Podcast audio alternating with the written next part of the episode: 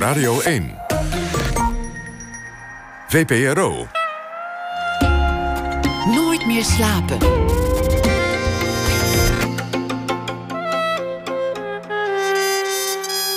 Met Pieter van der Wielen.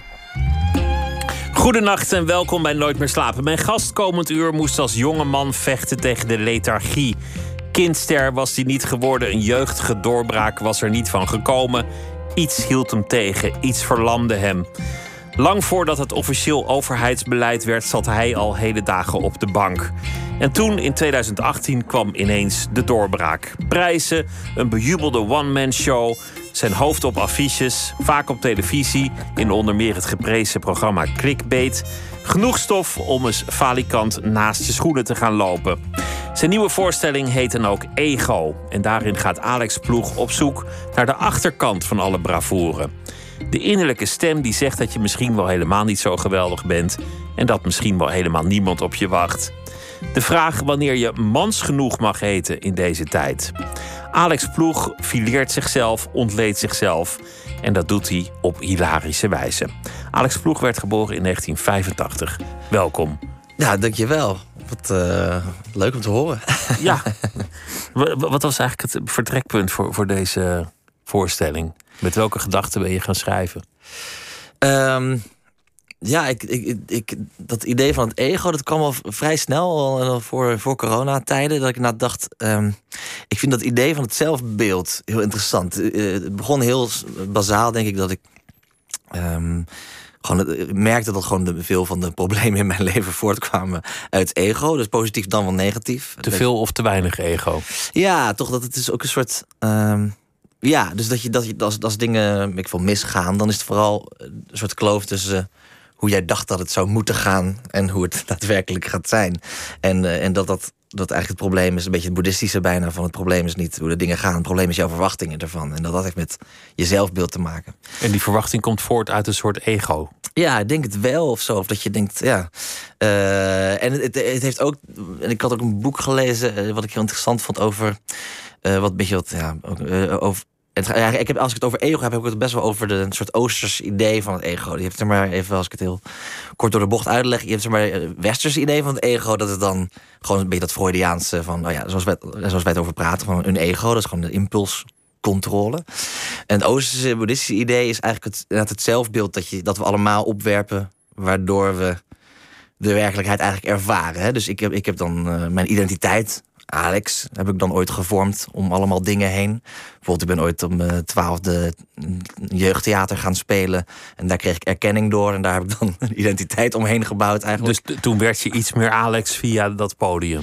Ja, eigenlijk wel. Uh, en, tegelijk, en tegelijkertijd is dat dus ook... Is dat dan wie je bent? Of is dat iets wat je doet en gekozen hebt? En dat, vind ik, dat vond ik interessante. Zo, wat is dan wat is echt daaraan? En wat is nep? En wat is gewoon een soort rolletje die we spelen? Dus wat bepaalt dat jij Alex bent, wat definieert Alex? Ja. Is dat wat je doet? Is dat hoe anderen jou zien? Is dat uh, een vastgelegd principe dat jij als een soort archeoloog moet blootleggen? Dat je moet ontdekken? Ja. Het ware zelf? Ja, uh, ja precies. Nou, dat eigenlijk dat vond ik het interessante. En um, ja, in het, het gekke ja, het antwoord, dat blijft een lastige. Daarvoor moeten mensen ook lekker naar het theater komen. Nee, ik denk dat het te maken heeft met een. Uh, het is allemaal waar en niet waar. Als in, die dingen, dat is, die maken jou. En de keuzes die je maakt, maken jou. En, en het, is, het is ook goed om te onthouden dat het ook nep is. Dus als bijvoorbeeld, uh, weet ik wel, stel je voor dat je in het, uh, in het verkeer zit, in een file.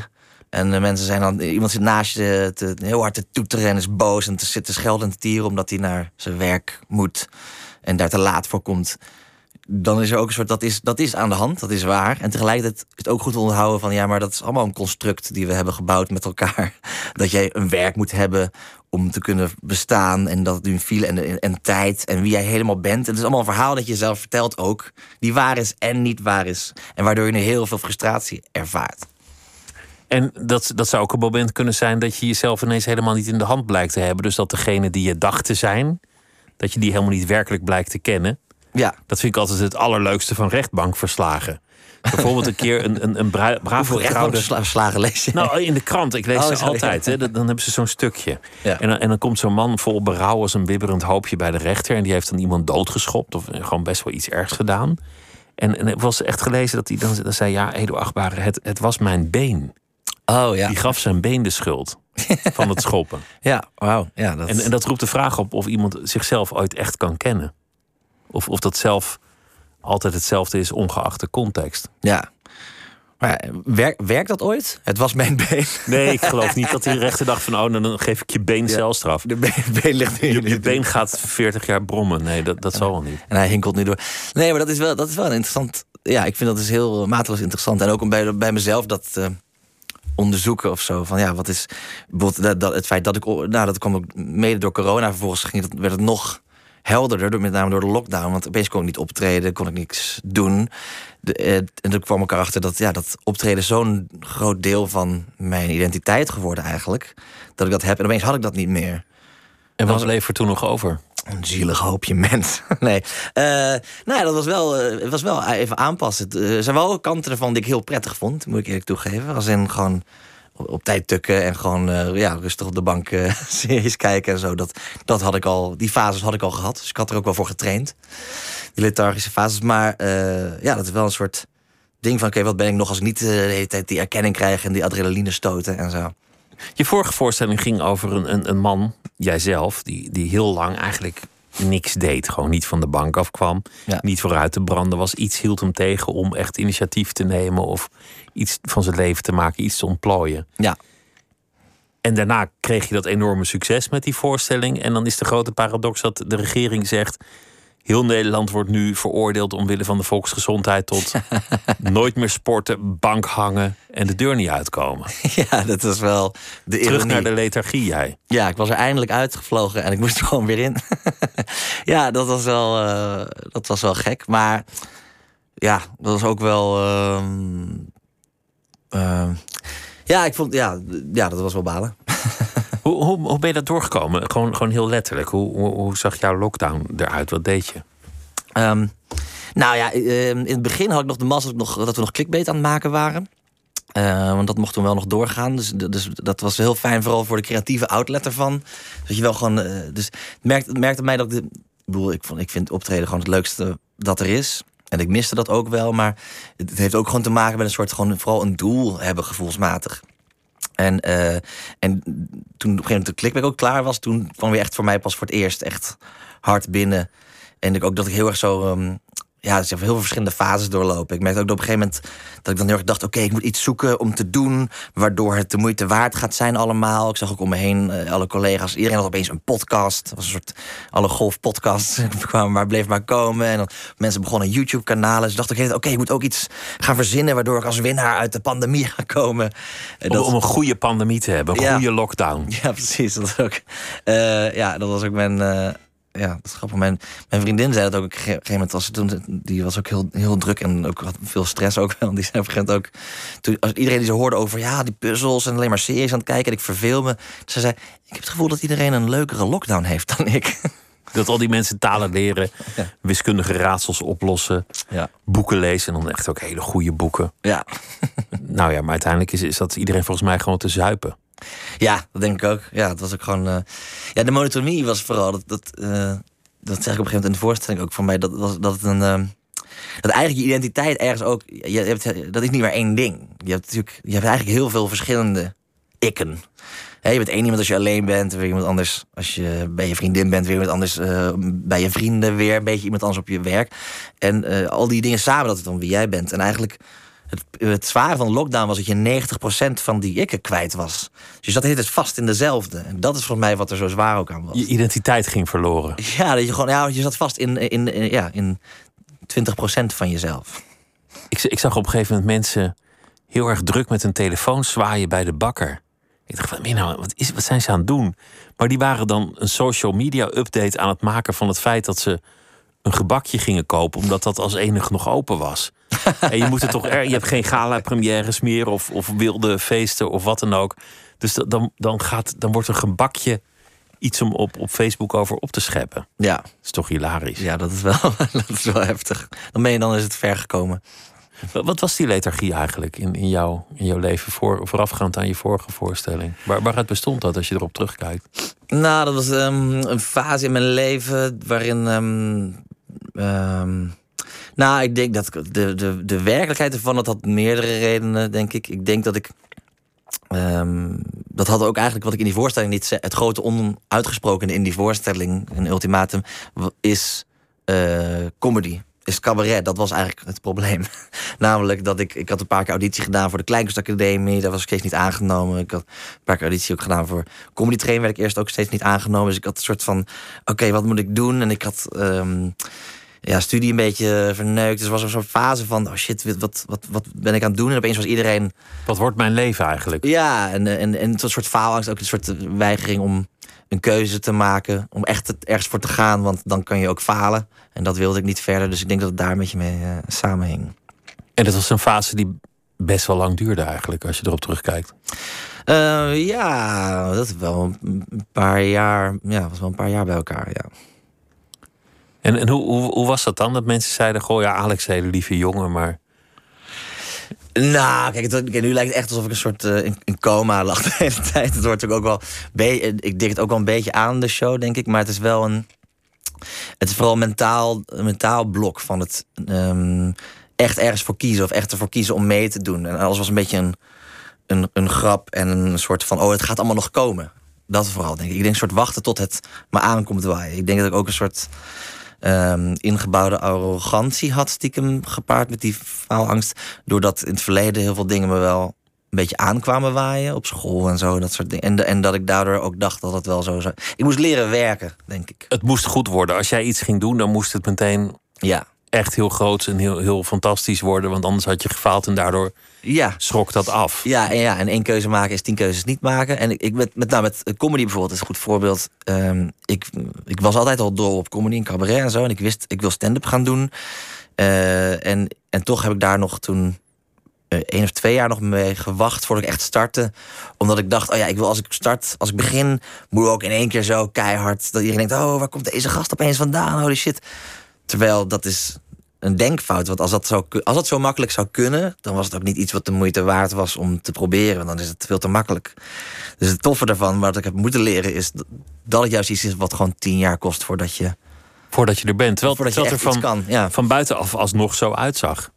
Wow, wie is die gast? Waar komt die vandaan? Ja, it, uh, it takes 10 years to be an overnight success. Ja, maar die, die, die, die, die tien jaar heeft niemand echt... Ja, mensen hebben het wel gezien, maar het grote publiek niet. Nee, dat is bij Dus het lijkt alsof je uit, uit de hemel kan vallen. Ja, nou, dankjewel. Dus het is me toch gelukt. Ja, je, je, je, vertelde in die, in die vorige show dat je toen 30 kilo was afgevallen. Uh -huh. En, en dat dat, ja. dat, dat uh, gewicht dat je daarvoor met je meetorste ook echt een soort ballast werd in je bestaan. Uh, ja, nou ja, ik denk dat vooral uh, een, een beetje een, een, een symbool was voor het dus niet mijn best doen. En, en, en het is ook, comedy kan daar ook een problematisch voor zijn, want het was ook gewoon een soort. Um, het werd ook, ik had ook heel veel materiaal daarover. Bijvoorbeeld altijd. Ik had heel veel fat jokes over mezelf. Uh, toen begon met comedy. Die werken ook altijd goed. Die werken heel goed. Je hebt een natuurlijke, het is voor comedy heel fijn om een natuurlijke underdog positie te hebben die je niet hoeft uit te leggen. Dus ik, ik had inderdaad zo'n een, een, periode dat ik dan dat ik dikker was. En dat werkte gewoon voor mijn werk heel goed. Want dan was het, haha, ik ben een dikke gast, haha, grappig. Maar dat, dat houdt er ook, hou je dan bijna in stand omdat het werkt. Dus dan blijf je ook een soort van. Uh, wordt, wordt dat de reden dat je dik blijft, bedoel je? Nou, niet dat. Was ook gewoon dat ik gewoon lui was. En, uh, en dacht, nou, uh, dat is prima. En ik wil... Dus het was een soort, ja, een soort fysieke uiting van niet, um, niet echt mee willen tellen. Was je er ook onzeker over? Mm, soms, denk ik. maar ook soms niet. Ja, ja. Ja, je kan, het, je kan het ook. Het was juist vooral een soort, ah, boeit allemaal niet. Wat was dan het moment dat je dacht, ik, ik, ik, ga er iets aan doen? Want, je, want 30 kilo is wel echt heel veel om, om te verliezen. Dat, ja, dat, is, uh, dat, is, echt alsof je een, een, paar kratjes bier de hele dag op je rug hebt. Ja, ja, ja. Of, of, of op je buik of waar dan ook. Maar... Ja, een beetje overal. Ja. Een beetje overal. Um, ja, nou ja, dat is um, toen... Uh, ja, meerdere aanleidingen. Maar wat ik ook in ultimatum was, er was zo'n een concreet moment dat ik... Uh, Ja, had toen. eh, ja, ik, ik, weet- ik- op een gegeven moment was ik gewoon klaar mee. En ik wilde gewoon die knop omgooien. En ik was gewoon klaar met het niet meetellen. En eh, toen ben ik op een gegeven moment. Ja, ik ben het gewoon gaan doen, eigenlijk. Er was een moment in je leven dat viel allemaal samen. Het, het, het Ja. moment in je leven en, en het gewicht van nu moet het gaan gebeuren. Ja, nou, wat ik in die voorstelling inderdaad vertelde, dat is het verhaal dat er een. ehm, eh, dat was namelijk dat er een andere Alex Ploeg was. Doe je, daar, doe je daarop? Ja, dat, dat Ja. vertel je, de, de, de wetenschapper Alex Ploeg. Ja, er was een andere Alex Ploeg. Die, ehm, dat is heel terug. Die, is, die is eh, helaas eh, is die, zat, die zat in MH17. En die, die is daar overleden. En toen de- hij overleed en die. ehm, eh, dus die dag dat het was gebeurd, toen was die namenlijst ook op, eh, bekend gemaakt van de inzittenden. En eh, daar eh, stond mijn naam tussen. Dus er was, een, er was een dag dat heel veel mensen dachten dat ik was overleden. Wat heel confronterend werkte. En je, je had ook een soort Google-strijd van... als je zelf googelt, dan krijg je iemand anders. Ja, dat was ik, ik wist al van zijn bestaan inderdaad. Dat, dat, is, de, ja, dit is, allemaal, dit is een verhaal dat ik inderdaad vertel in eh, Ultimatum. Ik wist al langer van zijn bestaan, dat gewoon wel dezelfde naam. Dus dat was heel vaak lang als je mij googelde, dan vond je hem. Dus ik had altijd in mijn hoofd een soort strijd met hem van, eh, eh, van wie staat er bovenaan de zoekdingen. En ehm, ja, en dat was toen, ja, dat, dat was toen wel een momentje dat ik dacht, oh ja, wat is dit? Dit is gewoon iemand die er nu niet meer is, waar ik een soort weirde strijd mee heb. En dat, laat ik dan wel gaan kiezen voor mijn leven, eigenlijk. Het werd eigenlijk een beetje sneu dat je, dat je met iemand die je niet kent... een soort Google-strijd hebt, omdat hij toevallig dezelfde naam heeft dan. Ja. Maar ik bedoel, dit ook wel in die voorstelling natuurlijk ook eh, theatraal gechargeerd en ge- aangedikt. En een hele grappige scène namelijk. Oh, dankjewel. Ja, dat is. ja, die, maar dus dat. ehm, kijk, in de werkelijkheid, dat was zeker een moment. Maar het is niet zo van dat ik echt toen de volgende dag dacht: oké, we gaan het helemaal anders doen. Maar het was wel. Die fase was wel een soort. Dat ik dacht: oké, dit kan zo niet doorgaan.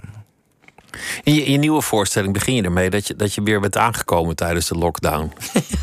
en dat, dat, dat, is, dat is eigenlijk wel ook weer de ironie. Dat je je vorige voorstelling vertelt van nou ja, 30 kilo eraf. Mhm. En dat je dan in de, in de nieuwe opkomt en zeggen, moet zeggen van nou ja, er zit weer wat op. Maar iedereen is natuurlijk aangekomen. Maar levert dat bij jou ook een soort angst op van oh mijn god, die oude Nee, zelf komt terug? Nee, nou ja, nee, goed. Kijk, de- de- het, gaat er niet om dat, dat het lijkt alsof het me heel om lichaamsgewicht gaat, maar dat is het niet. Het staat symbool voor iets, denk ik. En, het, en ik heb dat probleem niet meer, omdat ik me niet meer op die manier. ehm, ik heb niet meer die angst van, oh, mag ik er nog wel zijn? En, en hoe, ik heb thuis nog wel onzekerheden en zo. Maar, maar eh, ja, veel van die, dat, die vraag heb ik wel beantwoord van mezelf ondertussen, denk ik. Veel van die dingen vergroot je uit omdat het ook gewoon grappig is. Ja, De, de, de zelfspot of de, de onzekerheid. Ja, en die, die heb ik ook wel. En dat is ook gewoon wel mijn, mijn motor, denk ik. Qua het gewoon het, eh, altijd mezelf een beetje onderuit halen. En dingen relativeren. En dan dat weer relativeren. En dan kijken, weet je wel. En dat is een soort vloek en een gave, denk ik. Dat je zo. eh, want het, het helpt je wel met problemen te dealen. Maar het kan je ook helpen met eh, nooit helemaal tevreden zijn. De innerlijke stem die zegt, nou, je bent er nog niet. Ja, Of, of niemand zit op je te wachten. Of nou ja, al dat soort ja precies. gedachten. Ja, dat zit ook. Dat is heel erg in deze voorstelling. Is het heel erg dat, dat stemmetje vrij letterlijk. die de hele tijd door de voorstelling heen zit. Van het is niet goed, of dit doe je niet goed, of dat is niet oké. De, de innerlijke monoloog die wordt echt afgespeeld. En het eh, Ja, publiek lacht op een, gegeven, op een zeker ogenblik harder om de, de innerlijke stem dan om de, ja, dan de cabaretier zelf. Dat is, dat is natuurlijk een bedoeld effect. Ja. Wat Maar ook- daarmee ook wel geestig. Ja, dat vind ik, dat, ik vind dat ook heel leuk. Omdat dat is, iets, dat is, dat is een idee waar ik al langer mee rondliep. Omdat, eh, zeker uit de comedyclub en zo. Als, je, als, je in, als ik in Toemler speel, heb je altijd dat je met de comedians zit je aan een tafel achterin. En daar wordt het hardst gelachen als iets niet werkt. Omdat je allemaal weet hoe dat voelt. Je allemaal die pijn hebt gevoeld. En dan zie je bijvoorbeeld iemand een beetje struggelen. En dan denk ik, oké, die grap gaat niet zoals... Maar je moet tegelijkertijd over blijven komen alsof je onder, alles onder controle hebt. Want zodra je angst laat zien... Ja, dat, eh, hoe een publiek ook een beetje werkt. Die ruiken je angst. Als, als, Als, als een soort domerbans. Die, die, die, die ruiken de angst. Dus je moet die alfa-positie houden en doen alsof je alles onder controle hebt. Terwijl je terwijl andere comedians herkennen, ja, dit is een neerstortend vliegtuig. En dan ga je bijvoorbeeld, dan grijp je opeens naar publieksinteractie. Om dan iemand, eh, eigenlijk soort van iemand een beetje neer te halen. Om dan weer eigenlijk zelf een beetje een positie te geven. Dus dan ga je, eh, wat wilde jij voor werk? Oh, wat domme werk. Eh, dus het leek me heel grappig om dat te tonen aan het publiek. Door dan de gedachten van zo'n comedian te laten horen die, eh, die heel erg aan het falen is. Want, want er is geen vak waarin je zo goed kan falen als comedian. Ja. Om- Omdat als, een- als een grap niet werkt en de zaal niet lacht... Of nog erger, als een grap gewoon verkeerd valt. Ja, dat is dodelijk. je sterft. ja, dat, ja, dat zeg je ook. Dus dat is altijd bij, bij, in comedy zeg je altijd: uh, ik ging dood of I killed, zeg maar. Dus je, je vermoordt of je sterft. Is, uh, Eén van de twee. Ja, er zit een andere optie is er niet. Ja, en het is ook ja, er is niks pijnlijkers dan inderdaad een, een gefaalde grap, omdat de intentie zo helder is van wat je probeert te doen en het is ook zo overduidelijk niet werkt als het niet werkt. Je zou dan zeggen dat een, een comedian juist een reusachtig ego moet hebben of een enorm zelfvertrouwen om daar zelfs al te gaan staan. Ja, Dat het een enorme daad van arrogantie is. Ja, het is natuurlijk ook zo dat hij ook bij de meeste cabaretiers is natuurlijk ook een soort. Uh, dat zijn ook heel veel mensen die. Uh, um, nou, wat ik, wat, wat ik veel zie, wat ik bij mezelf ook herken, is het is een combinatie van. Um, veel zelfvertrouwen, hoog, hoog zelfvertrouwen, lage eigenwaarde. Dus je hebt wel het vertrouwen in je skills en je kunnen en je weet, hey, je kan dit. En tegelijkertijd haal je wel je eigenwaarde misschien op een ongezonde manier uit de erkenning van die toevallige mensen die daar zitten. Dat lach, dat lach gecompenseerd voor iets. Ja, of ja. En, en dat is ook dus, ja, van eh, mag mij, of vindt mij leuk, of vindt mij goed, of vindt mij scherp. Ja, dat. Um... Zou dat ook de reden zijn dat ze in eerste instantie in hun leven grappen zijn gaan maken? Om leuk gevonden te worden? Ja, dat wisselt. Ik denk dat je wel, elk, sowieso elke comedian heeft wel een. Er is wel altijd wel een soort, uh, ja, een soort zandkorrel waar die uh, hele identiteit omheen is gemaakt. En dat heeft vaak wel met een is toch een, een gat of een gemis of het, of, of het is een. Uh, um, ja, het zijn altijd wel een beetje op een manier mensen die. Een diepe onzekerheid. Ja, diepe onzekerheid of een, een, een, buitenbeentje gevoel. En dat zij gaan compenseren op een sociale manier. Ja. Hoe ging dat bij jou? Ja, ik denk dat bij mij een. Um, een ja, ik ben altijd een. Uh, ik probeer altijd het, het weer ehm, de dingen weer oké te maken, denk ik. Dus dat als, als er ruzie is of als er dingen, dan probeer ik heel erg met grapjes die spanning in te lossen. Dat is mijn grootste drijf. Jij voelt je verantwoordelijk voor de spanning die ergens heerst. Ja, precies. Dus ik denk dat dat daar bij mij ergens daar zit. Ehm, en ook gewoon er, erkenning willen en gewoon ja, daar. Um, ja, ik denk toch een soort onzekerheid uh, vullen. En dat is ook, dat is ook het gevaarlijke, is een soort van dat je ook ziet dat, dat je daar als comedian niet altijd aan wil werken. Omdat je denkt, zodra ik dat kwijt ben, dan, dan ben ik niet meer grappig. Dat is ook de reden waarom heel veel comedians uh, niet... Nooit in therapie gaan. Precies, dat zijn heel veel mensen die eigenlijk in plaats van een therapeut gewoon volle zalen hebben. En dat is ook niet altijd even gezond. Want als de zaal leegloopt, en, en ik ken daar voorbeelden van, of de komiek wordt wat ouder en minder populair, dan wordt het gewoon lelijk. Ja, ik, ik denk dat. Maar goed, ik weet het ook helemaal niet. Hè. Ik bedoel, ik denk dat in verschillende fases van je carrière, als, als het goed gaat, dat, het, dat je verschillende uh, bronnen moet aanboren binnen jezelf. Dus ik denk in, dat, in het begin heb je nog heel erg die honger van. Ik moet me laten uh, gelden. Mensen moeten me zien. En dat, dat doe je dan een paar, paar voorstellingen. En dan op een gegeven moment moet het iets anders worden. Het moet, het moet echt wel worden. Wat wil ik vertellen? Ik had bijvoorbeeld nu, mijn eerste voorstelling ging heel duidelijk over: mag ik er zijn? Uh, tel ik mee? Is het oké? En ik, ik kwam zelf ook echt wel voorgenomen met deze tweede: van ik mag die vraag niet meer, dat moet, die moet beantwoord zijn. Dat hebben we afgerond. En ik heb heus nog wel onzekerheden. De thematiek blijft altijd, het zal altijd wel dat een beetje ook zijn. Want dat hoor je, dat is ook altijd. Je maakt ergens altijd een soort van dezelfde voorstelling, maar dan in een nieuw jasje. Maar ik had wel duidelijk, ik wilde om een ander thema, ik wilde er dieper op ingaan op een manier op het thema ego, mannelijkheid, ja, wat is zelfkennis. Ja. Dat soort vragen. Ja, precies. Ben je, ben je vaak dood gegaan op het podium eigenlijk? Ja, zeker. Um, Alle hoeken van de kamer gezien. Ja, jawel. Zeker in het begin. Ja, het is ook een, ding dat je met comedy. Dat je, een van de dingen die je leert als je dat naarmate je meer ervaring opdoet, is je leert goed te falen. Een beetje zoals een judoka goed moet leren vallen met een rol. In een bokser kan incasseren. Ja, dus op een gegeven moment leer je. Dus ik weet gewoon nu wel hoe ik moet. Dus uh, als het goed is, wordt je ondergrens beter. Dus eerst word je gewoon je bovengrens hoger en dan begint wordt je ondergrens ook hoger. Dus, dat je, dus ik weet gewoon nu, als ik, weet, ik voel al eerder aan als het is aan het omslaan, ik moet een andere route, of ik moet hier uit weg, of ik moet iets.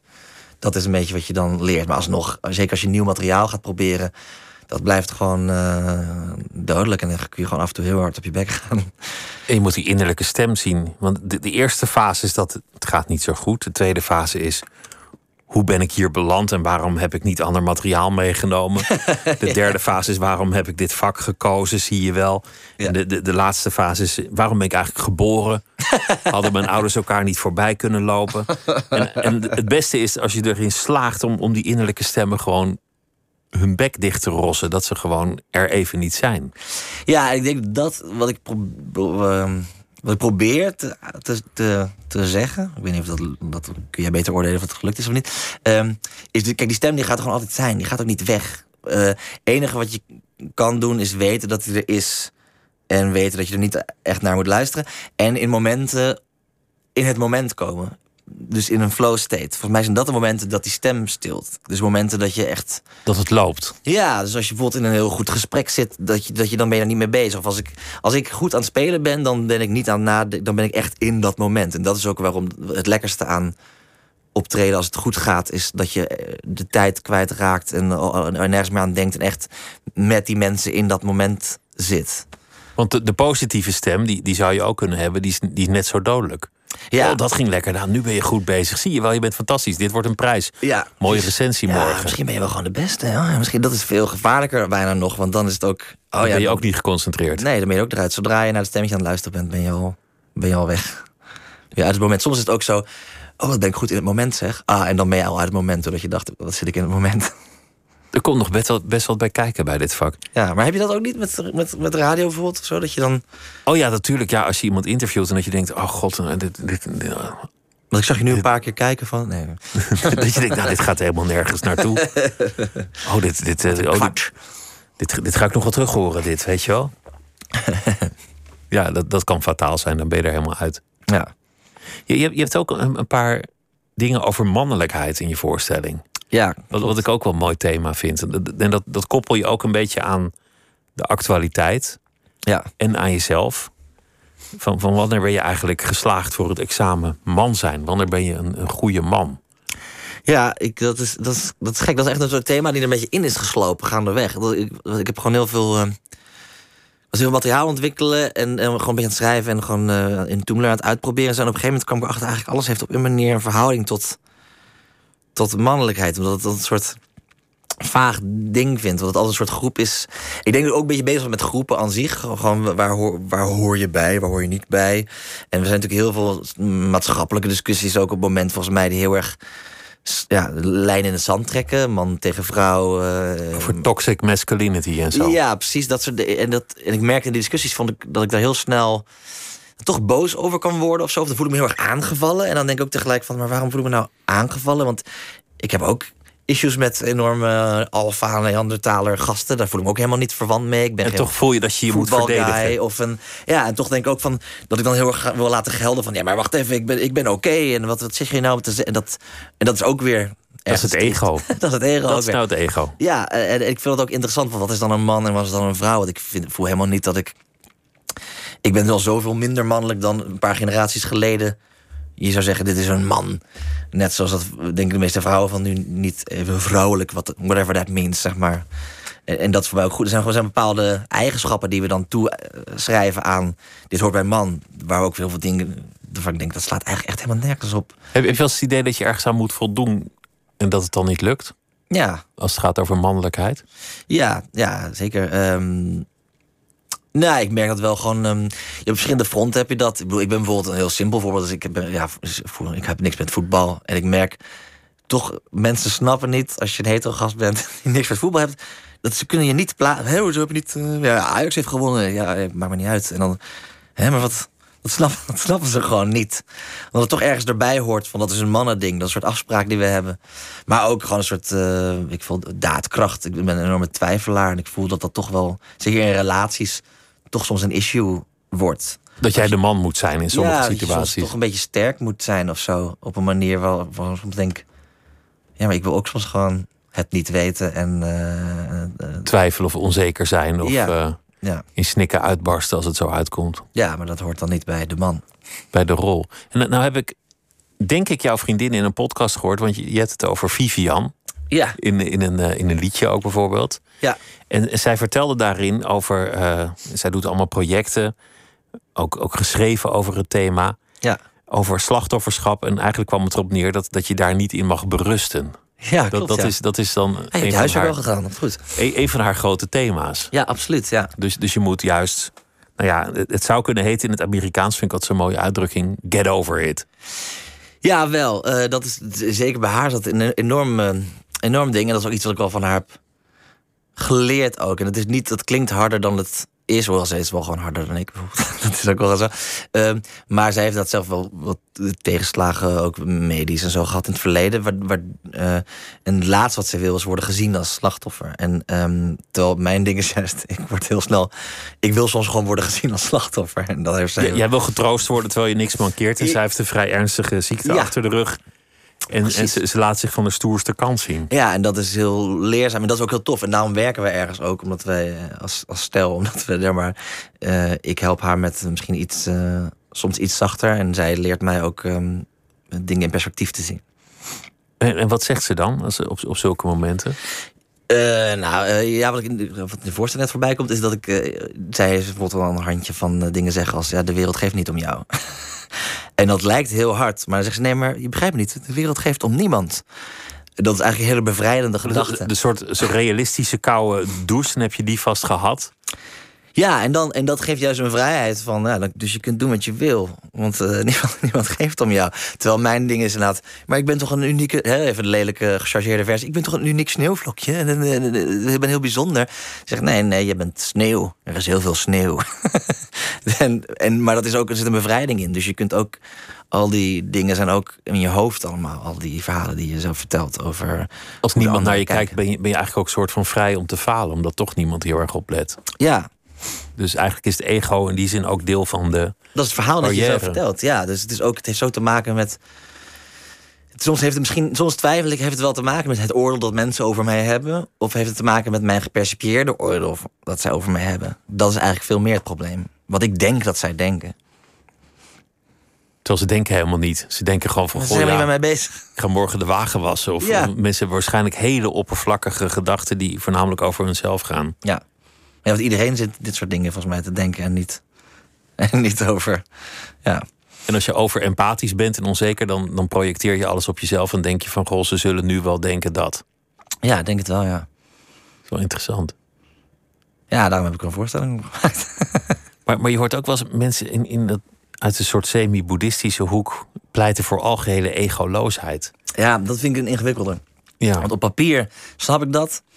Maar ja, ik ben ook nog wel heel erg eh, attached. Ehm, er moet toch iets gebeuren uiteindelijk in, in het bestaan. Ja, Anders, ik- kunnen we allemaal gewoon in, in bed of op een matje blijven liggen. precies, nou dat is wat ik ook een beetje had. Dat ik op een gegeven moment dacht, ja, maar anders word ik ook totaal nihilistisch ervan worden. Van oké, maar dan maakt het dus niks uit. En waar ik toen zelf een beetje uitkwam uiteindelijk was...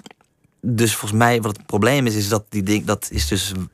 De dingen zijn dus waar en niet waar. En dat is iets wat wij moeilijk... Dat, dat is een soort Dat, kortsluiting dat dingetje. twee dingen waar kunnen zijn. Dus bijvoorbeeld die gast in de file, dat is ook allemaal aan de hand. Dat is ook waar. Dat is ook zijn werkelijkheid. En het is ook niet waar, want het is allemaal een construct. Het is gemaakt. En volgens mij zit er een soort berusting in, in die heen en weer gaan tussen die realiteit en niet. Dus weten gewoon van, oh ja, eh, deze shit overkomt mij. Het is ook belangrijk. Ik moet me er ook op focussen. En ik moet ermee dealen. En tegelijkertijd moet ik ook uit kunnen zoomen en weten... oh, maar het is, het is ook allemaal maar een rolletje en een spelletje... dat we allemaal aan het spelen zijn met elkaar... die eh, net zo goed niet aan de hand had kunnen zijn. Beide zijn waar. Ja. En, en dan kan het ego ook nog een soort, soort slechte adviseur zijn. Dat, dat vind ik eigenlijk altijd de meest hilarische Ja. voorbeelden van ego. Mensen die hele rare, gênante dingen doen, ingefluisterd door hun ego. Ja, dat je toch eens denkt, ja, weet je wel wie ik ben? Ja, of politici hebben daar vaak een handje van. Ja. Of hoeveel schandalen niet zijn, zijn begonnen omdat mensen zelf in de biecht gingen aan een talkshowtafel. Geen onderzoeksjournalist was erachter gekomen en dat iemand dan ineens zegt van ja, ik ga heel veel vreemd of ik ga elke dag naar de hoeren. Of, eh, het is allemaal echt gebeurd. Ja, nee, nee, ja, dat is ook wat ik hier. Dat hou ik. Dat is, zeker voor comedy is dat gewoon een hele vruchtbare grond. Ook, eh, mijn favoriete comedy-series, zeker van van die Britse. De Office-achtige dingen, is de, wat, ja, wat ik daar zo sterk aan vind, is de natuurlijke arrogantie die voorkomt als je weet dat je gefilmd wordt en geïnterviewd wordt en dat je dan statements gaat maken. En dat is die, die, gewoon die ja, dat, daar is niks grappigers dan dat. Gewoon de domme, domme daar arrogantie. Het grappige in, daar, daar wordt het komisch. Ja. Voor wie het inschakelt, Alex Ploeg zit tegenover mij over zijn nieuwe voorstelling Ego. En we hebben het gehad over eh, de thema's in zijn voorstelling, namelijk wat is ego, wat is het zelf. En over de thema's in zijn vorige voorstelling, namelijk de lethargie En de onzekerheid die hij moest overwinnen, mag ik er eigenlijk wel zijn? En tussenin zat er nog een lockdown die eigenlijk alles omkeerde. Iemand die eindelijk van de bank was gekomen, werd gedwongen er weer in plaats te nemen. Iemand die gewicht was verloren, kwam net als de rest van het land weer een beetje aan. Omdat er gewoon geen, geen sportschool open was uh, tijdens die hele pandemie. Je, je, had het ook over, over comedians, dat die, dat die vaak wel een soort gat te vullen hebben of iets te overschreeuwen of een soort dieper motief om, om dat te gaan kiezen. Ja. En toen zei jij, ik ben eigenlijk degene die zich altijd verantwoordelijk voelt voor de, voor de goede sfeer. Om de spanning even weg te werken. Ja. En dan maar grappig te zijn. Mm dat, dat klinkt bijna alsof er bij jullie thuis de hele dag spanning was. Nee, dat valt mee. Ik, heb, ik, ik, mag, ik mag niet klaar. Ik heb geen heftige uh, traumabasis wat dat betreft. Uh, ik kom heel, uit een heel fijn gezin. Um, In Haren, dus toch een keurige omgeving. Ja, zeker. Ja, en, uh, twee hele leuke broers en, um, en, en, fijne ouders. Maar ja, ik denk overal zijn natuurlijk spanningen. En ik denk wel dat ik. Ik denk ook gewoon dat ik misschien gevoelige voelsprieten daarvoor heb. En dat ik gewoon uh, vrij jonge leeftijd op een gegeven moment. Ik heb bijvoorbeeld. Ik was het middelste kind, dus toch een beetje de, de sandwich kid. En uh, ik heb twee hele leuke broers, maar die ook wel een beetje een grote. Uh, die die, die um, konden wel goed schreeuwen om wat ze nodig hadden. En ik viel dan soms misschien een beetje, omdat ik dan wat meer op de achtergrond bleef. maar dat is even mijn psychologie van de koude grond hier. Nou ja, dat gewoon, en ik, ik denk dat ik daardoor die, dat, dat rolletje ben gaan hanteren het eerst. Dat denk ik wel, ja. Dat ik op een gegeven moment vond, oh, dacht even, dit is wat ik... En dat rolletje was dan degene die met een grap de boel lijmt? Ja, dat denk ik, ja. En, en wanneer stond je dan voor het eerst op het podium? Uh, nou, voor het eerst, ik ben uh, vrij jong jeugdtheater gaan doen. Om het, vrij jong, dat is op mijn twaalfde ben ik, zat ik op de jeugdtheaterschool in Groningen. En dat was wel voor mij een soort zo'n aha-erlevenis van... oh, wacht even, dat vind ik wel heel leuk. Maar toen kwam ik al vrij snel erachter ik vooral de grappige rollen heel leuk vond. En uh, toen iets. Um, uh, ja, toen een, een, vriend van mij die was heel erg into cabaret en zo. Toen, uh, vanaf mijn, denk 16 of zo, toen, toen had ik op een gegeven moment door van: oh, wacht even, dit, je kunt ook cabaret gaan doen. Oh, dat, toen ben ik dat heel interessant gaan vinden. En toen, uh... waar, waar kwam dat door dat je dat, uh, dat je dat ineens ontdekte? Nou ja, die, een goede vriend van mij die was heel erg cabaret-fan. Die had allemaal videobanden van heel veel. En wat liet hij zien? Um, nou, wat bij mij de grote doorslag was, uh, Hans, toen ik Hans Theo voor het eerst zag. Ja, dat was wel een soort, oh, dit, was, dit is mijn gast. We voelden dat toen. Dus dan zitten we ja, precies in zijn hele goede tijd ook, als ik een beetje mee. Ja, ja 98, 99. Ik denk ja. dat ik voor het eerst hard en zielig zag. Dat was wel echt voor mij een soort. Uh, uh, maar ik dacht niet meteen, oh, dit ga ik doen. Of dit kan ik doen, dat denk ik nog steeds niet. Ik zag het laatste jaar weer terug te kijken. En dacht, tering, zag het heel goed. Maar um, uh, ik denk wel dat het zaadje daar geplant is van, oh ja, dit, ik, ik denk dat ik dit wil. En toen had ik later, um, toen dacht ik echt dat ik kleinkunst wilde doen, ook cabaret. En toen vond ik stand-up als vorm toen ik voor het eerst een uh, Toemler en een comedy trainer en ik denk dat ik daar voor het eerst voelde toen ik daar gewoon een avond ging kijken. Oh, volgens mij ben ik een van deze gasten. Hier hoor ik bij, bij, ja. bij comedy. Ja, bij een soort, ja, het is iets, en, en, niet, dat waren hele verschillende gasten, maar een soort, ja, het is toch allemaal gasten die met één been half buiten de maatschappij en één been erin. En ook allemaal wel grappig, maar ook allemaal een beetje weird. En dat dacht ik van, oh ja, dit voelt wel, uh, ja, als, uh, voelt een beetje als, als uh, ja, ik denk dat ik een van hun ben. Iemand die met één been een beetje buiten en één been een beetje binnen de, ja. de groep en de samenleving staat. Ja. Is, is dat nog steeds zo? Uh, ja, ik denk het wel. Ik denk, uh, maar ik, ik, denk dat ik voor Kobe nog relatief goed aan, sociaal aangepast ben. Niet, niet een totale idioot die uh, maar, uh, regelmatig leeft. Maar ik denk ook dat je dat wil. Ik denk ook, sommigen hebben twee benen, twee benen erbuiten. Uh, ik denk ook dat je, je wil die uitzoom kunnen hebben. Dat is toch een soort abstractie ding wat ook interessant maakt. Waardoor je ook kan laten zien aan mensen, ik denk überhaupt kunstenaars, artiesten dat ook moeten hebben, muziek, muzici, van hé hey, kijk, dit is wat we aan het doen zijn en dit is waarom dat gek is, of zo. Daarvoor moet je ook niet er volledig in zitten. Zo'n grappige uitdrukking, eigenlijk één been buiten de samenleving. Ik moet meteen maar denken aan die man bij de rechter die, ja. die dat ene been de schuld geeft. Ja, precies. je, je, je, had het ook over relaties, van, van dat jullie goed bij elkaar passen, omdat jullie eigenlijk de omgekeerde rol innemen ten opzichte van het rollenpatroon. Ja. Want zo zou je het kunnen zien als je het heel traditioneel bekijkt. De een wat vrouwelijker, de Ja. ander mannelijker. Ik, ik hou eigenlijk niet van dat soort labels, maar Nee. ze bestaan nou eenmaal. Ja, nee, totaal. Nee, dat is, dat is wel. eh, dat, dat is iets wat ik waarneem en wat ik ook leuk vind daarin. En de, ja, die labels die zijn natuurlijk ook een beetje onzinnig. Ik denk ook dat dat is wat ik daarmee probeer te zeggen, een beetje. Maar zonder te zeggen, labels zijn onzinnig. Want dat vind ik altijd zo. Ja, dat is niet grappig natuurlijk als je dat zo zegt. Maar ze zijn aan het verschuiven en tegelijk leidt dat meer tot verwarring dan tot duidelijkheid. Ja, ik denk het wel. Ja, um, ja dat vind ik dat, dat, is een, ja, dat is een hele ingewikkelde natuurlijk. Wat ik, en, en ik vind vooral ook de, de mannenkant staat niet altijd onder de loep. Omdat het dan ook soms wel heel makkelijk is in bepaalde discussies om te zeggen: oh, mannen zijn X. Bijvoorbeeld toxic masculinity. Of uh, weet je wel, alsof dat maar één. Alsof dat niet ook een heel spectrum is van.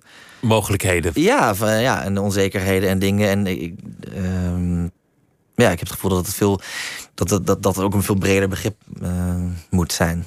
Want je, want je leest wel veel artikelen over dat, dat de man in een crisis zit en, en de man er niet meer uitkomt en de man niet meer weet wat hij moet doen. Maar het gaat eigenlijk volgens mij slechter met de mannen in onze samenleving dan met de vrouwen. Als je kijkt naar de, de depressies en de medicatie en de verslavingen. Ja, is, is het zo? Dat weet, dat weet ja, ik niet. Maar ja, ik denk niet wel. de exacte statistieken paraat, maar volgens mij is dat zo. Dat... Ja, of je zou ook kunnen zeggen dat misschien mannen eindelijk beginnen te werken aan hun shit, wat ze heel lang niet hebben gedaan. Dat zou ook kunnen. Dat is juist misschien... Wat ze al die jaren op voetbaltribunes hebben moeten overschreeuwen. Ja, precies. Gewoon uh, doorwerken en dat we nu eindelijk. Uh, ja, dat dit ook een bijkomstigheid is van. Oh ja, nu we ook toch maar naar ons gevoel gaan kijken. In plaats van uh, daar ja, langzaam aan sterven. of tumortjes van maken in hun, uh, in hun lichaam. Je, je, noemde, je noemde uh, Hans Theo. Je, je, hebt ook wel eens gezegd dat, dat Louis C.K. voor jou een grote held was. Ja, ja zeker. Hoe Vooral als man. Gewoon hoe hij handelt als man vind ik nou, altijd heel, heel oké. Okay. Maar die, die, had er, die had er altijd fantastische sketches over. Over, over ja, zijn eigen klunzigheid en over mannelijkheid en ja. over, over seksualiteit. En toen, toen werd hij ineens ontmaskerd. En, ja. en hoe? Dat was, dat was wel. Uh, ja, dat is wel. Ik had het bijvoorbeeld thuis, om een voorbeeldje te geven. Ik had een grote ingelijste foto van Louis C.K. gewoon ooit. Ik had ooit een Rolling Stone eh, cover waar die op stond. En dat had ik dan ooit in een lijstje. Dat vond ik leuk. Uh, een beetje triest. En het was echt zo'n moment dat ik dan moest kiezen van. Ja, ga ik moet ik dat ding nu weghalen dan? Als, want het is toch weird als je dan bijvoorbeeld een date mee naar huis neemt... en dan staat er groot, groot Louis C.K. en ja, toch een soort aanrander aan, aan de muur. Het, was, het hielp ook niet dat ik hem naast een foto van Bill Cosby en uh, Harvey Weinstein had, hoor. Dat hielp ook niet. maar, mijn, mijn, de grote drie. Uh, maar ja, nee, ik ben als. Ik moet eerlijk bekennen, ja, dat is gewoon heel, het is heel ingewikkeld. Ik ben alsnog namelijk gewoon fan van Louis C.K. Ik vind hem gewoon een hele goede. Dat materiaal blijft gewoon even goed. Ja, en ik vind ook juist hem. Kijk, ik denk wat het, wat het teleurstellende was van, van dat hele. van dat ding, is dat hij juist iemand is die zo zijn donkerste kanten leek bloot te leggen. En, en dat ook deed. Dus, dat, dus hij die daar ook in liet zien: hey, dit is mijn gênante ding. Dit is mijn. Ik bedoel, het kwam voor mij ook niet als een mega verrassing, omdat hij al zoveel materiaal ook over in die hoek een beetje had. Um, ik vind het dan ingewikkeld dat ja, MeToo-discussies vind ik ook um, lastig, omdat ik uh, ook denk. Ik, ben, ik kan over hem niet zo objectief zijn, omdat ik hem zo tof vind en er zo lang op een Omdat een fan gewoon een fan blijft, natuurlijk. Ja, en ik heb er echt. Ja, ik heb, ja, dus ik, ik draag hem alsnog ook een warm hart toe. En dus de, ik merk ook dat ik dan makkelijk hem ga verdedigen. En dan denk ik ook, oeh, is dat wel handig? En dan, ja, dat, dat, dat gedrag is natuurlijk niet toelaatbaar. Nou ja, dan krijg je al die shit. En dan. Uh, ik vind het beeld wel leuk van iemand die, die na een date bij iemand thuis komt. En dat is dan toch wel een beetje onwennig van, oh, ik ga met een of andere gast mee. Ben ik hier wel veilig? Ben ik hier veilig en dan, en dan hangt hij aan de muur. Dat is een mooi beeld. ja. was, was jij onzeker met vrouwen toen, toen je jonger was? Um, nou, nee, nee.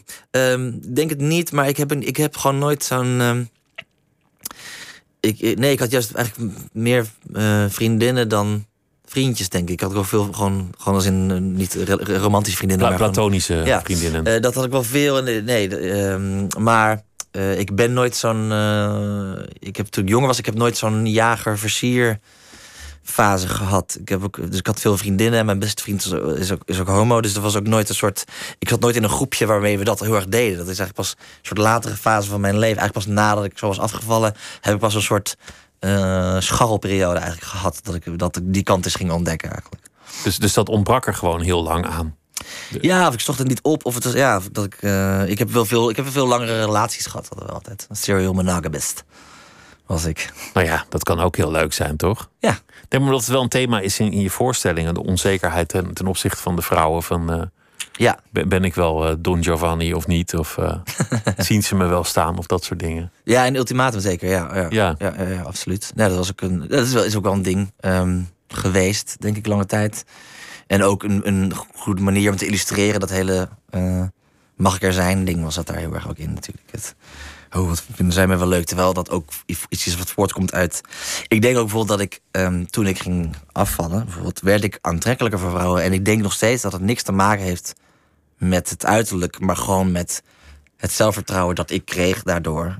Waardoor je wat gewoon aantrekkelijker is. Het ging over jouzelf, over jou, jouw attitude. Je had met, met een ander Ja. gewicht net zo zelfverzekerd kunnen zijn natuurlijk. Of, of Ja, natuurlijk. Ja, precies. Dat heeft eigenlijk dat vrouwen zijn daar gewoon gelukkig minder oppervlakkig in dan mannen.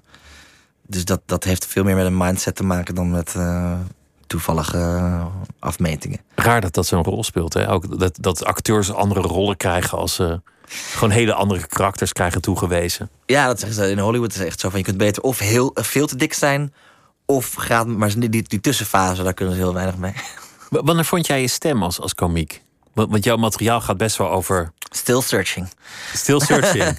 het gaat, gaat over jezelf en je eigen leven, maar tegelijk ook wel wat, wat grotere thema's. Ja, nou, ik denk. ehm, ja, dat, dat is een moeilijke vraag. Ik, dat sprokkel je met de jaren een beetje bij elkaar. Ik denk juist dat ik heel lang heb gedacht dat het een ding. de- eigenlijk gaat ergens deze voorstellingen op een niveau ook daarover. Over dat. ehm, ik. Ja. Ik heb namelijk heel veel dingen die ik tof vind om te doen. En die ik leuk vind, die ik graag op het podium ook wil doen. Bijvoorbeeld hè, gewoon stand-up, maar ook liedjes. En dan grappige liedjes, maar ook wat theatralere scènes of sketcherige dingen. Waardoor ik ook soms denk... Oh ja, maar, ja, maar wat ben ik dan? Wat, wat is dan echt mijn haakje? En ik denk juist dat... het- Waarom zou ik dit doen? Waarom willen mensen dit van mij horen? Ja, dus ik denk dat mijn, mijn stem ook misschien ergens zit in een soort berusting van het... Oh nee, maar ik vind al die dingen gewoon tof en dat is al genoeg. Ik hoef dat niet uit te leggen of zo. Ehm, dus ja, maar ik denk dat het ja, rond ultimatum wel een beetje gekomen is. Dat ik echt zo vond van, oh, dit is mijn manier van... Dit zijn de verhalen die ik moet vertellen, of de grappen die ik moet maken, of de Ja, of gewoon karakters een- die ik moet neerzetten. Ja, of niet, niet per se over het actualiteiten praten, maar juist meer over mezelf. Maar dan wel via. Of, en dan niet op een, het liefst niet op een navelstaarderige manier. Te- En ik snap hoe. Ja, dat klinkt gek als je een voorstelling hebt die heet Ego. Waar je alleen maar over jezelf praat. Maar in ieder geval, de poging is wel ehm, dat het juist het engage- engagement zit in het over jezelf praten, maar daarmee hopelijk iets zeggen over. Iets aan te snijden. Ja, Dat, dat is volgens mij de rol geworden van cabaretiers in onze samenleving. Om, om een soort filosofie of gedachten aan te bieden op een, op een toegankelijke, lichte manier. Ja, ik denk het wel. Ik vind dat wel ook tof. Ik heb zelf nooit zo ehm, het, ding, iets gehad met het, het opgeheven vingertje of het zeggen: dit is wat je Dit moet is het doen. goede en dit is het kwade. Ja, dit zijn de slechterikken, dit zijn de, de good guys, dit is eh, mensen durven te leven. Al die, ik denk heel veel van die. Ik denk meteen, ik hoor mezelf meteen aankomen van ja, wie ben ik om jullie te gaan vertellen hoe jullie moeten leven. Nee, ik, dit is, ik vind het interessant te zeggen. Dit is waarbij het bij mij spaak loopt. Misschien heb jij dat ook wel, misschien ook Misschien niet. jij ook wel, en misschien niet. En, eh, en dit, zijn de, ja, dit zijn antwoorden die ik heb gevonden, maar eh, doe ermee wat je wil. Terwijl, eh, ja, ik, ik vind dat zelf veel interessanter. Ook gewoon meer de vraag op te gooien dan per se het antwoord te geven.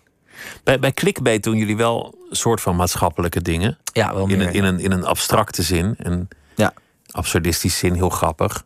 Maar bijvoorbeeld als, dan, als er dan zo'n eh, zo'n verklaring komt voor eh, christelijke scholen over homoseksualiteit. Ja. Dan, dan, toen hebben jullie een, een echt keiharde sketch gemaakt. Met Ja. kinderen, waarin een zeer gereformeerde leraar, door jou heel goed gespeeld, Dank je. eigenlijk alle leerlingen één voor één komt buitensluiten. Ja, ja, dat was echt. eh, ik ben er ook best wel nog steeds trots op die scène. Dat was ook een van de. Dat, dat, dat, dat nieuws kwam toen uit en ik was er echt ook boos over, een beetje merkte ik. Omdat ik gewoon het zo dacht: dit is Nederland. Ik vind niet dat we dit hier moeten doen. Terwijl ik heb dat niet snel bij nieuwsdingen dat ik echt iets bij voel. Dat je echt verontwaardigd bent of zo. ja, en dat ik dacht echt van dit kunnen we, deze kant moeten we niet op en dit moeten we niet willen. En, de- en, dan, en toen zijn we daar eh, aan gaan zitten. En toen kwamen we op een gegeven moment vonden we dit haakje in dit vormpje. En toen dacht ik, ja, dit is. Ja, en dat, en dat gewoon goed werkte. Dat was gewoon heel, heel fijn. Eh, en, ehm, dus ik was daar trots op, bedoel ik. En, en, en, eh, en ik zag ook vervolgens dat bijvoorbeeld ook mensen uit de homogemeenschap bijvoorbeeld dit eh, gingen delen. Om te laten zien van kijk, dit is wat, je, wat jullie aan het zeggen zijn eigenlijk. En dat voelde wel echt als een moment van, oh ja, dit is hoe satire kan werken. Dat vond ik wel heel cool. Wat, wat er ook mooi in is in het kader van ego, is dat, dat die leraar zichzelf heel erg automatisch aan de goede kant vindt staan. Ja, Dat, dat vaak mensen die iets heel slechts doen, zichzelf toch als het ultieme goed, goede zien. Ja, absoluut. Ja, dat, is, dat vind ik ook een interessant ding. Ik denk ook dat dat eh, een drijfveer is ook van dat niet het opgeheven vingertje willen hebben. Omdat ik ook denk, ja, iedereen denkt dat ze het bij het juiste eind hebben. Iedereen denkt dat ze gelijk hebben en iedereen denkt dat ze goed zijn. Vanuit het goede in- intentie handelen. Ja, dus of je. Ja, ik heb ook eh, een scène in deze voorstelling eh, waarin ik dat een beetje behandel. Over. ehm, kijk, zowel he- hele rechtse mensen als hele linkse mensen, die denken allemaal. Ja, maar ik heb het, ik heb het, ik heb gelijk. A, en ik, ik heb het beste met de mensheid voor. Dus waarom is iedereen tegen? Ik snap niet waarom zij niet in, dit ook inzien. En ik vind dat is iets.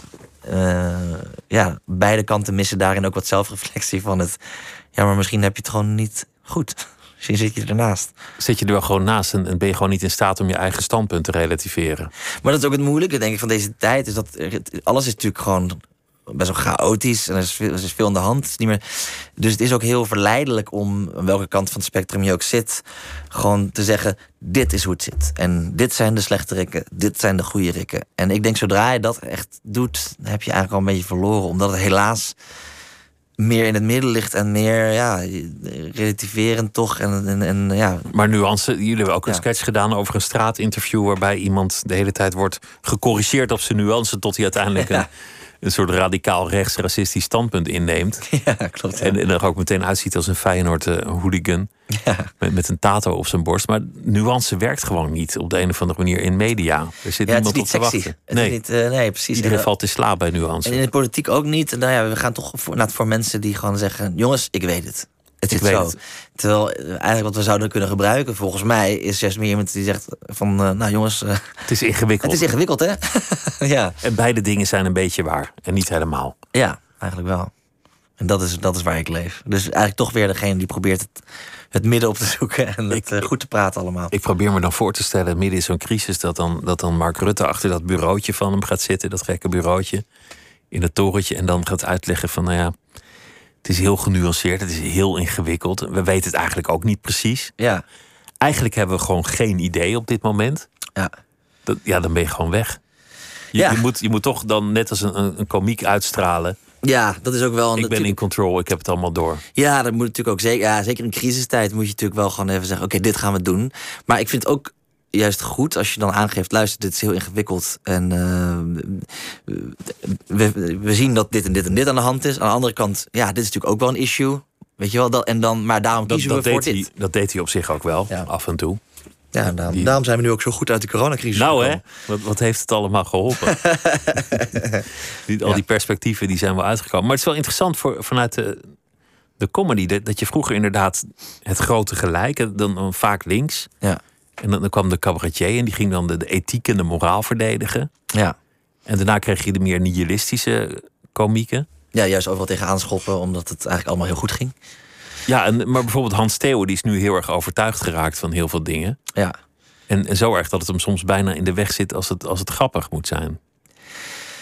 Ja, eh, ja dat, dat is wel een. ehm, Hij wilde nooit dat vingertje, maar, maar ergens ja, dat is wel meer erin geslopen. Ja, ja, is er ja. wel een beetje ingestoken. Ja, nee, totaal. Nee, dat is wel een. ehm, eh, dat is wel helder. Dat is ook. ehm, ja, dat is ergens ook interessant. Dat is ook eh, soms eh, gewoon idealistisch vind ik het daardoor soms moeilijker om eh, nog mee te gaan. Terwijl ik, ik zal toch, het is toch altijd interessant vind ik wat hij doet. En ik vind, Vind ik dat, ook hoor. Ja. En dat, en dat, eh, dat overal tegen aanschoppen, dat blijft er toch ook wel in zitten. Ehm, dus ja, eh, ik vind dat ook, ja, dat is ook helemaal aan hem natuurlijk om dat, ehm, dat te kiezen. Maar dat is wel, ik merk ook dat soms mensen daar veel frustratie om Hans Theo daaruit voortkomt. Uit toch het, oh, maar we dachten juist dat je links was. Maar zijn ding is vooral voor mij vrije woord en iedereen laten, eh, zelf laten kiezen. Ja, ik zie het ook niet echt als, als, alsof, alsof dat meteen rechts is of zo. Nee, precies. Maar dat is gewoon leidt- tegen de denk- dogmatiek. Ja, dat denk ik ook, ja. En, en, ik denk, en ik denk dat ehm, veel... ehm, dat is gewoon wel iets wat je maatschappelijk ziet gebeuren... is dat, de, dat, dat, dat, inderdaad de dogmatiek nu juist... die juist eerder altijd bij rechts of conservatief lag... nu juist meer bij links soms lijkt te liggen. Wat, wat een hele gekke schifting is. De roep om boekverbrandingen en, eh, en Ja. censuur en zo. Ja, en eh ik wil Dave Chappelle van Netflix afhalen en zo. Ja, Het zuiveren. Ja, dat, dat is nu wel echt eh, op ter linkerzijde iets meer dan ter rechterzijde. ja, ja. ja, Wonderlijk. ja. Ja, sowieso een beetje een rare tijd. ja, toch? Als je, we zaten net naar het nieuws te luisteren. Toen keken we ook aan van is, is het nou het einde der tijden waar we zitten of zo? We ja, alles op? vogelgriep weer bij. Ja, het, ja, ik, ja het, het wordt steeds moeilijker om vol te houden dat we niet in het einde der tijden zitten. Oh ja, het gas is op. Oh ja, de, de, de boter is op. Oh ja, dit is op. Eh, weet je wel? Ja, ja. Nee, ik alles, had het, toen ik uh, mijn decor voor deze voorstelling, uh, dat we die gingen bouwen, was, kreeg ik best te horen. Ja, uh, het wordt lastig, want er is een houttekort. Oh, oké. ja. Ik heb nog nooit meegemaakt in mijn leven dat er geen hout meer was. maar, ja. En dat je geen loodgieter kan vinden. En, Ja, ja, ja. Heftig. Maar hè, we hebben het ook goed. Hoeveel, hoeveel voorstellingen ga je spelen trouwens? Um, nou, ik weet niet het precieze aantal, maar lekker veel. In ieder geval nu uh, gaat het volgende week in première in de Kleine Comedie. En dan uh, gaan we tot met eind mei speel ik hem dit seizoen. En dan volgend seizoen ook nog in première. Maar dat, uh, of ik bedoel in de reprise. Um, dus maar ik denk dit seizoen zal, het wel een stuk of 50, denk ik, zijn. Dat is wel een spannend moment. Je hebt het dan af en dan, en dan moet je ermee gaan toeren. En dan, dan ja. hopen dat je hem zelf 50 voorstellingen lang inspirerend blijft vinden. Ja, ja dat, maar dat je zit een beetje aan die tekst vast. Ja, nou, dat, ik vind dat ook wel tof. Ik heb nu ook wel. Um, ik heb wel dingen ingebouwd waarvan ik nu al weet, die gaan niet het einde. Als in die ga ik nu doen. Ik heb bijvoorbeeld wat coronamateriaal, maar ik weet nu al. Nou, hopelijk is dat volgend jaar niet meer relevant. Uh, maar goed. Nou, je weet het niet. Ja, ja. Um, maar uh, dus uh, ja, dus nu ben ik gewoon vooral bezig naar die première toe. En het gewoon nu neerzetten. Maar ik vind ook juist. Dan wordt daarna de uitdaging: hoe hou ik hem vers? Hoe, hoe blijf ik hem scherper krijgen? Ik vind het juist ook tof dat het nooit echt af is. Ik had me zo voorgenomen niet te zeggen. Misschien komen er wel weer maatregelen. Hopen dat er niet een lockdown komt. Ja. Maar nu, nu hoor ik het toch zo gewoon uit mijn, uit mijn mond vallen, weet je wel? Ja, ik, um, we, gaan het, we gaan het zien. Ik denk het niet. Ik denk, ik weet niet waarom, maar ik, voel, ik denk er gaan wel dingen komen, maar ik denk niet wanneer in lockdown gaan. Ah joh, we zien wel. Ah joh, ja joh. Doe je toch niks aan. Dan ga ik weer lekker de bank op. Zo prima. Netflixen. ik wens je heel veel plezier. Was leuk dat je te gast wilde zijn, uh, Alex Ploeg. Ja, leuk om langs En de voorstelling uh, Ego die gaat uh, in première ja. in Amsterdam en daarna op reis door alle hoeken van dit reusachtige land. Dankjewel. Dankjewel. En morgen dan praat ik met uh, kunstenaar Natasja Kensmil. Want die heeft de Johannes Vermeerprijs gewonnen. Dat is een hele prestigieuze kunstprijs.